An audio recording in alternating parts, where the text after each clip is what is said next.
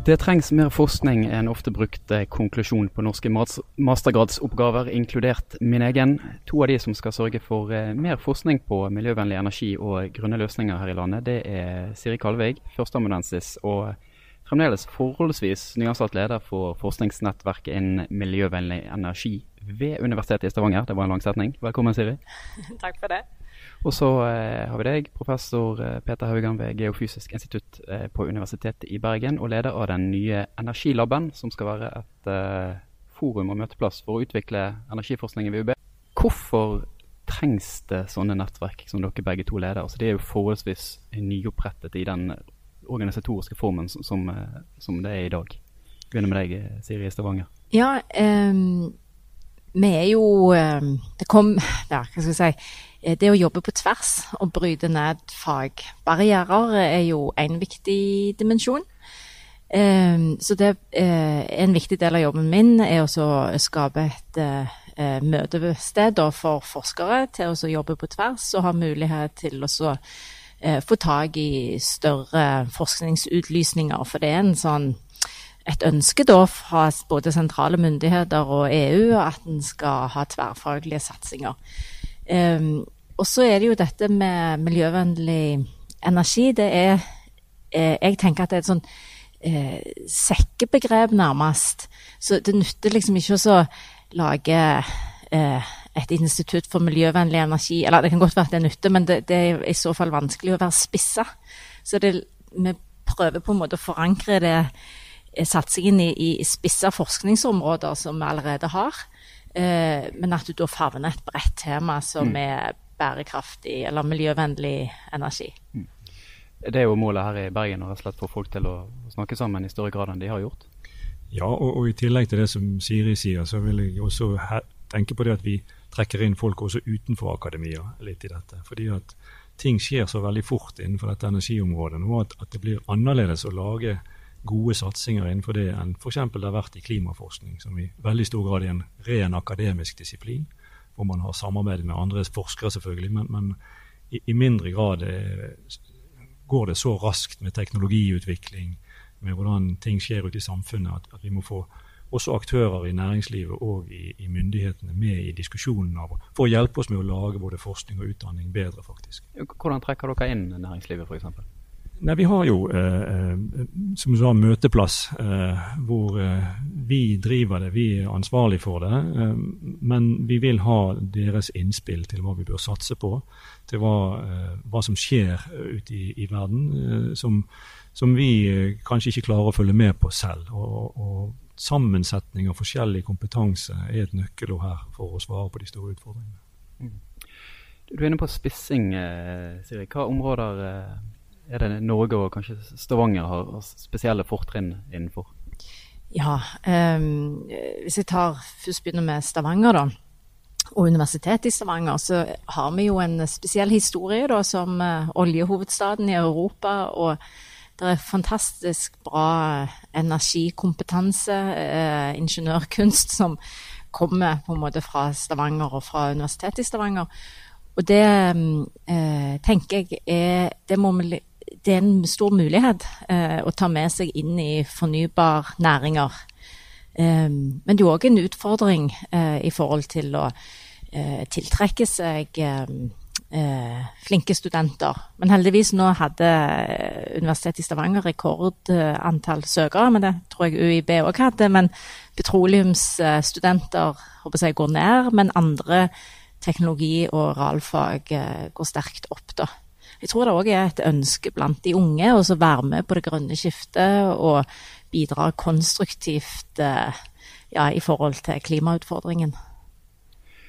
For, for det, det, syns jeg er litt uh, interessant, dette med utdanningsløp innen fornybar energi. Eh, både US og OIB har økning her, og så vidt jeg så, så har det nesten alle studieretninger i Norge som har fornybar energi i en eller annen form i tittelen, en økning i, i søkertallene fra, fra, i fjor til i år. Men hva, hva tanker gjør dere om, om, utdanningstilbudet sett opp mot arbeidsmarkedet? Så det har jo vært skrevet mye ja. om, om, det første masterkullet ved Universitetet i Bergen. der Det ble i hvert fall fremstilt som om ingen fikk relevant jobb etter uh, endt utdanning. Altså,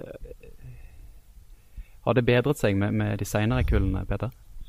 Ja, nå, nå, var jo det første kullet veldig lite, og det var ikke sikkert at alle de egentlig siktet seg inn mot jobb i, i industri. Sånn som Tar du mastergrad i tidevannsenergi, så er det ikke fordi at du tror, vet at det er en stor industri som står og venter på deg. Så, så eh, svaret på det der er vel at vi må, vi må, lage utdanningen sånn at den blir relevant til en verden i rask endring.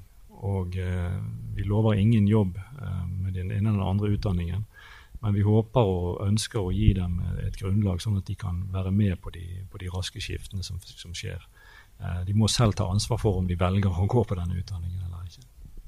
Ja, og jeg tenker òg at eh, eh, akkurat det var et godt stikkord fra Peter, dette med eh, en verden i rask endring.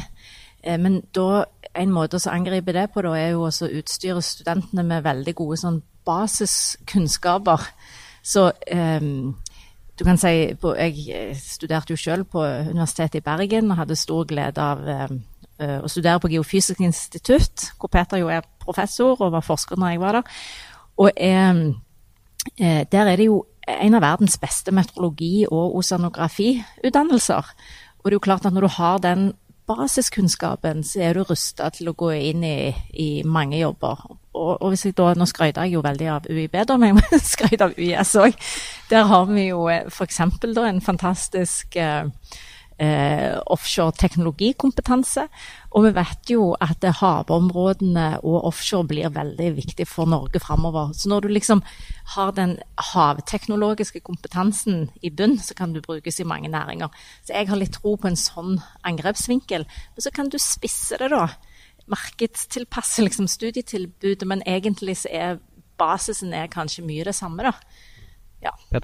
Ja, det er altså akkurat Et område som vi har samarbeidet veldig sterkt med UiS og UiB, er jo på havvind. og Siri er jo et stjerneeksempel på en som da går fra på en måte meteorologikompetansen og over eh, med mastergrad hos oss og til å ta doktorgrad av nærings-ph.d. også ved Universitetet i Stavanger i offshoreteknologi. Så den, den eh, miksen der eh, har vært en, en, suksess, og det håper vi jo at vi får anledning til å utvikle videre også, også i Norge, ikke bare internasjonalt. Mm. Eh, selv om vi hevder oss der også. Hvordan er det å lede fornybar eh, forskning eller grønne miljøer på, på det som eh, tradisjonelt sett har vært oljetunge universitet? Du var jo litt inne på det, Siri, med, med ja. bakgrunn som oljehovedstad. og Peter har vært i, i, vinden i det siste i et slags ordskifte med, med Tord Lien, om enn ikke veldig direkte ordskifte. Skal du ta først? ja, ja, altså det er klart at eh, det er, er, mange måter å tenke om ting på, og, og man er gjerne ser på verden ut fra sitt ståsted. Det gjelder forskere, det gjelder uh, alle mennesker. Og, og uh, det å, å, skulle gå inn og, og, gjøre raske endringer, det er jo ikke akkurat universitetene kanskje så veldig uh, giret på. Noen som sier at verden har problemer, universiteter har, har, har institutter. Um, og, og, og, det å, å, gjøre ting der, det, det, tar tid, og folk syns at, at, at, det er vanskelig å skifte. Og faktisk må jeg få lov til å si at jeg tror det er et større problem hos de gamle, store universitetene, sånn som UiB og UiO, enn en del av de nye som vokser frem, som, som lettere kan ta nye ting. Så, så der må vi må ikke passe oss for konkurransen, men vi må passe på at vi også er i stand til å ta de nye utfordringene. Mm. Ja, og for uh, min del da så uh, tenker jeg jo rent praktisk så at oljeprisen er så lav, uh, gjør jo at det er en helt annen vilje i regionen og i Norge til å se mot jeg, andre næringer og fornybar energi. Så, så det på en måte hjelper litt i forhold til å tiltrekke seg oppmerksomhet. Jeg har jo jobbet med fornybar energi i veldig mange år. og, og jeg føler eh, først nå altså Nå folk, nå er det kjempestor interesse for dette. Så, så, det er liksom noe som er på gang. Og det er jo klart eh, eh, Det som jeg tror er viktig, eh, er jo dette å tenke på oljeteknologi og oljenæringen som en eh, ressurs. Eh, og viktig i omstillingen. jeg syns jeg kjenner godt til Statoil. Jeg sitter i den eh, bedriftsforsamlingen der. Og eh, nå syns jeg Statoil har en veldig troverdig eh, brei energisatsing. De gjør jo veldig spennende ting nå med fornybarfondet sitt og Hywind, som vi jo er veldig stolte av. Og selvfølgelig skulle vi hatt Hywind pilotpark i Norge òg. Den gikk til Skottland, men det forstår jeg veldig godt at Statoil gjorde. Eh, for de vil være nær der markedet er. Det er jo ikke noe marked i Norge for dette her. Så det er jo en politisk eh, eh problemstilling, eller økonomisk problemstilling. Så, så, jeg er veldig på dette at vi må jobbe sammen med oljenæringen i en omstilling. Men, men jeg er jo ikke naiv. Det, jo, det er av og til komplisert òg.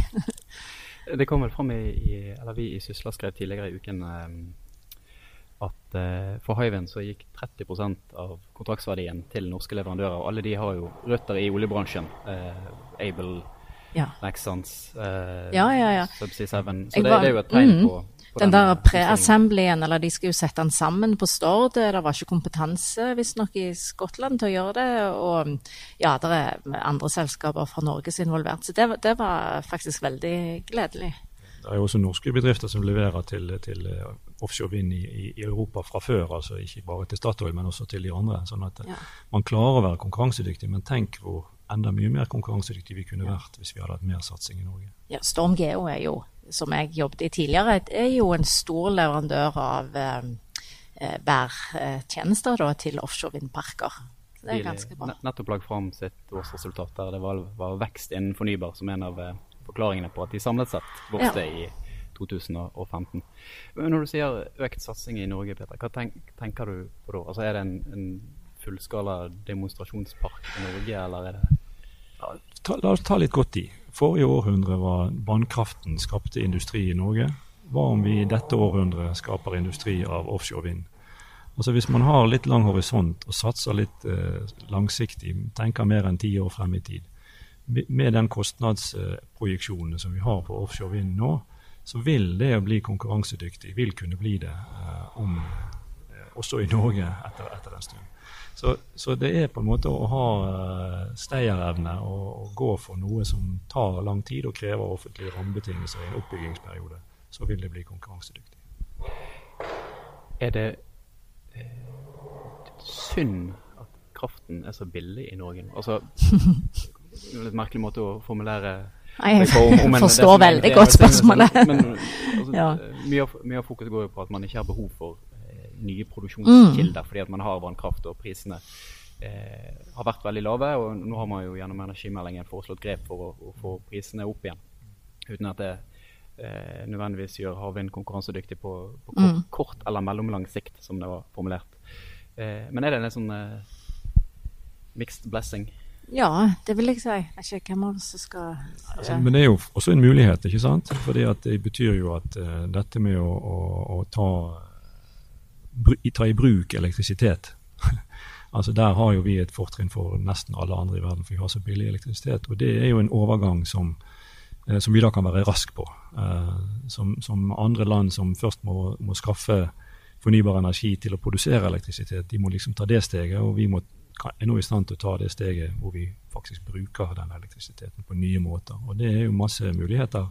Ikke bare å kjøpe elbiler fra utlandet, men kanskje også å utvikle våre egne transportløsninger og andre ting. Eh, vi har jo begynt å gjøre det godt når det gjelder elektriske ferger f.eks., og det kan gjøres mye mer i den retningen. Mm, jeg er helt enig med Peter der. og eh, vi, jeg føler at vi har nå gjort eh, den fantastisk rene kraften vår om til et problem men det er jo en mulighet. Eh, men akkurat sånn som situasjonen er nå, så vil jeg jo nesten si det er et problem eh, sånn langsiktig sett for industrien i Norge. Fordi at vi gjør ingenting, for, eller nesten eller vi gjør lite industrielt for å stimulere ny fornybar. Altså ja, f.eks. offshore vind og andre ting. Mens andre land gjør jo det. De, og vi, Politikerne her snakker om at vi ikke skal plukke vinnere, markedet sjøl. Vi skal bare fasilitere at det er gode vekstvilkår. Men andre land plukker vinnere.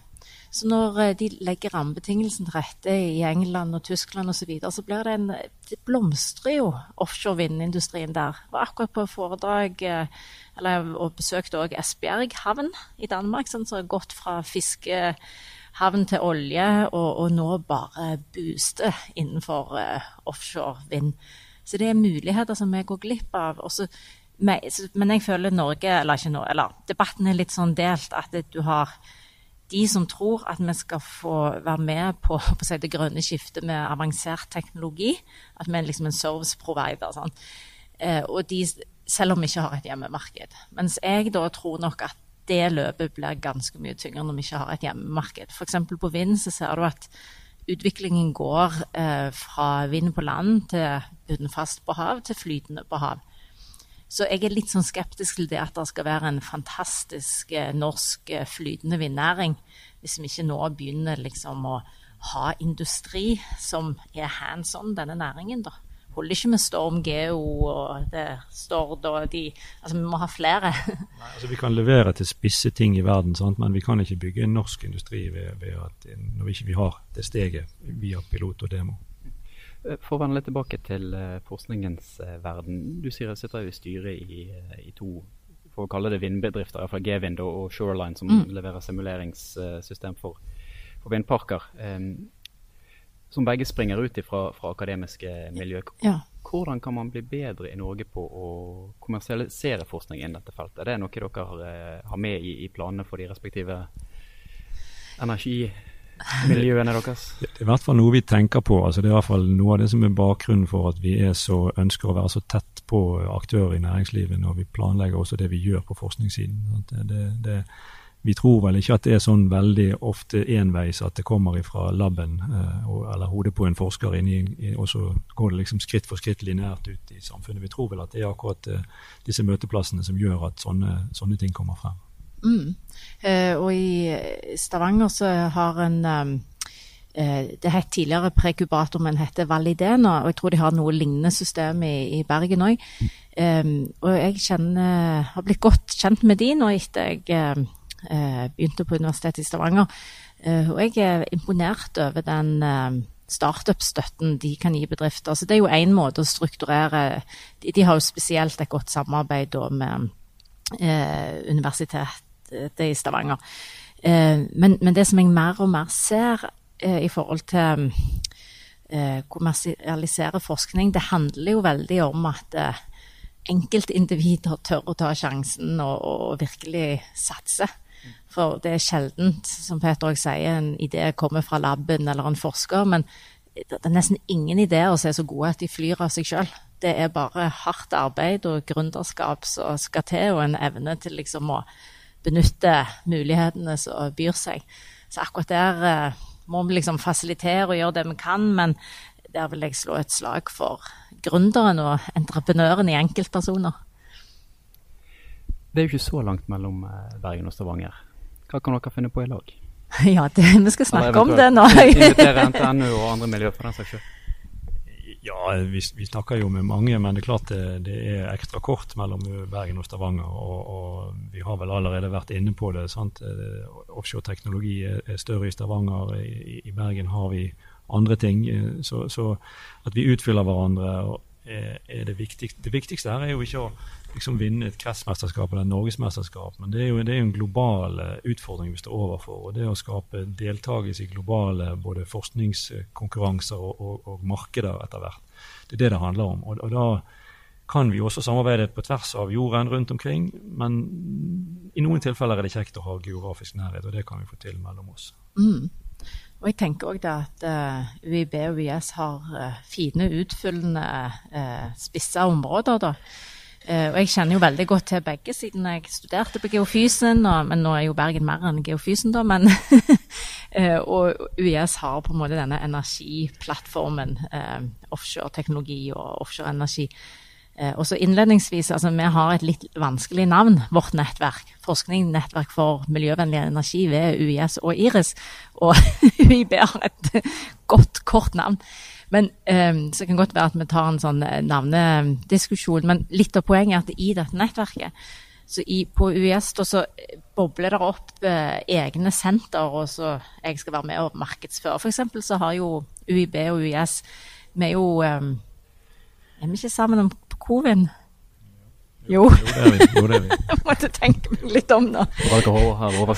ja, ja, det var offshore, offshore vindforskning. Ja, bare som et eksempel. Det er nok andre ting òg.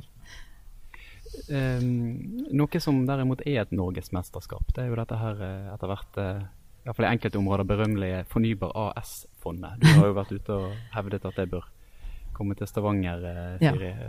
Hvor, hvor, sterkt står du på barrikadene for, for Bergen? Nei, jeg har personlig ikke vært noe aktiv i, i det. Jeg tenker det, det, er jo det er et sak for Norge, dette her, så jeg har ikke gått inn i det. Jeg så en, en beskrivelse i jeg tror det var på Twitter at uh, Trond, Trondheim hadde teknologien, Bergen hadde finansmiljøet, og Stavanger var det mest synd på. Er det, ja, nei, med, i den uh, diskusjonen så, så, prøver vi ikke Det er ikke noe kort liksom, å trekke det. For at uh, vi prøver å argumentere for at det er kompetanse og gode muligheter for å gjøre dette fondet til en suksess hvis det blir i Stavanger, da. Men det er liksom Bergen har Agentum. Um, Trondheim har òg noen offentlige fond. Investinor. Ja, Investinor-verdier. Eh, ikke det at, eh, men i Stavanger så er det faktisk, det er ikke så mange som vet, men det er det største aktive fondsforvaltningsmiljøet med Hightech Vision og Energy Ventures. Og, så selv om Agentum eh, Og det er jo en suksess, det, men store deler av investeringen deres har de putta det er jo sånn fond i fond i, i Hightech Vision, som på en måte gjør jobben der. Og så tenker jeg litt eh, at eh, Stavanger er kjent som oljehovedstaden. Hvis på en måte regjeringen planter et så synlig fornybarflagg i oljehovedstaden, som virkelig ønsker å bli energihovedstaden, så er, vil det være symbolpolitikk som av og til er viktig, da. Så det, det er egentlig sånn jeg argumenterer. Jeg tenker bare at det er viktig at vi får de beste kriteriene å velge etter, og så blir det det som er best for nasjonen. Ja. Er det en ting vi er gode på i Norge, så er det jo lokaliseringskamp. Ja, blir, ja det er jo, men, men jeg òg tenker at om det blir Bergen eller Stavanger eller Trondheim eller så det, det, er, det, er, jo ikke Det skal være verdiskapning for hele landet. Uh, det virker som om alle, alle, kan være enige i at det ikke må komme i Oslo. Det, ja, det tror jeg kanskje er enig om. Avslutningsvis, eh, sett fra deres ulike ståsted som, som forskningsledere i, på to universitet, hva mangler Norge? Altså Hvis dere kunne ønsket dere noe fra Forskningsrådet, eller eh, Man har jo store program der allerede, men er det, er det noe dere vil peke på som, som, mangler? Ja, altså Da er det jo det som Peter òg har vært inne på, dette eh, egen, egne hjemmemarkeder for ny fornybar. Enten det er noen ja, offshore vindparker eller kanskje en geotermiske brønner. Men også en liten ting til, nå sier jeg to ting, da. Men eh, hvis vi kunne vært skikkelig frampå med forskning og, og, industrialisering på lagring av strøm. Enten det er via hydrogen eller batterier, det vet ikke jeg. Men hvis vi kan klare å løse eh, dette med lagring av elektrisitet, så vil vi jo òg eh, legge til rette for eksportmuligheter for Norge. Så det tror jeg er viktig. Altså gjelder det å se, innse at teknologi er ikke bare eh, nuts and bolts og hardt stål. Det er også på en måte metoder og, og, bruk og styring og slike ting. IKT er viktig i fremtidens energileveranse. Det kan jo hende at det er, det, Google og Apple som leverer disse tingene i fremtiden, og, ikke de klassiske stålverkene. Så det å på en måte se ting på den måten og være, være åpen for det at vi må kanskje redefinere teknologibegrepet litt, er en ting som jeg er opptatt av. Tusen takk, Peter og Siri, og lykke til med viktig arbeid på deres respektive hjemsteder, og kanskje litt sammen òg. Ja, takk for det. Slutt sammen.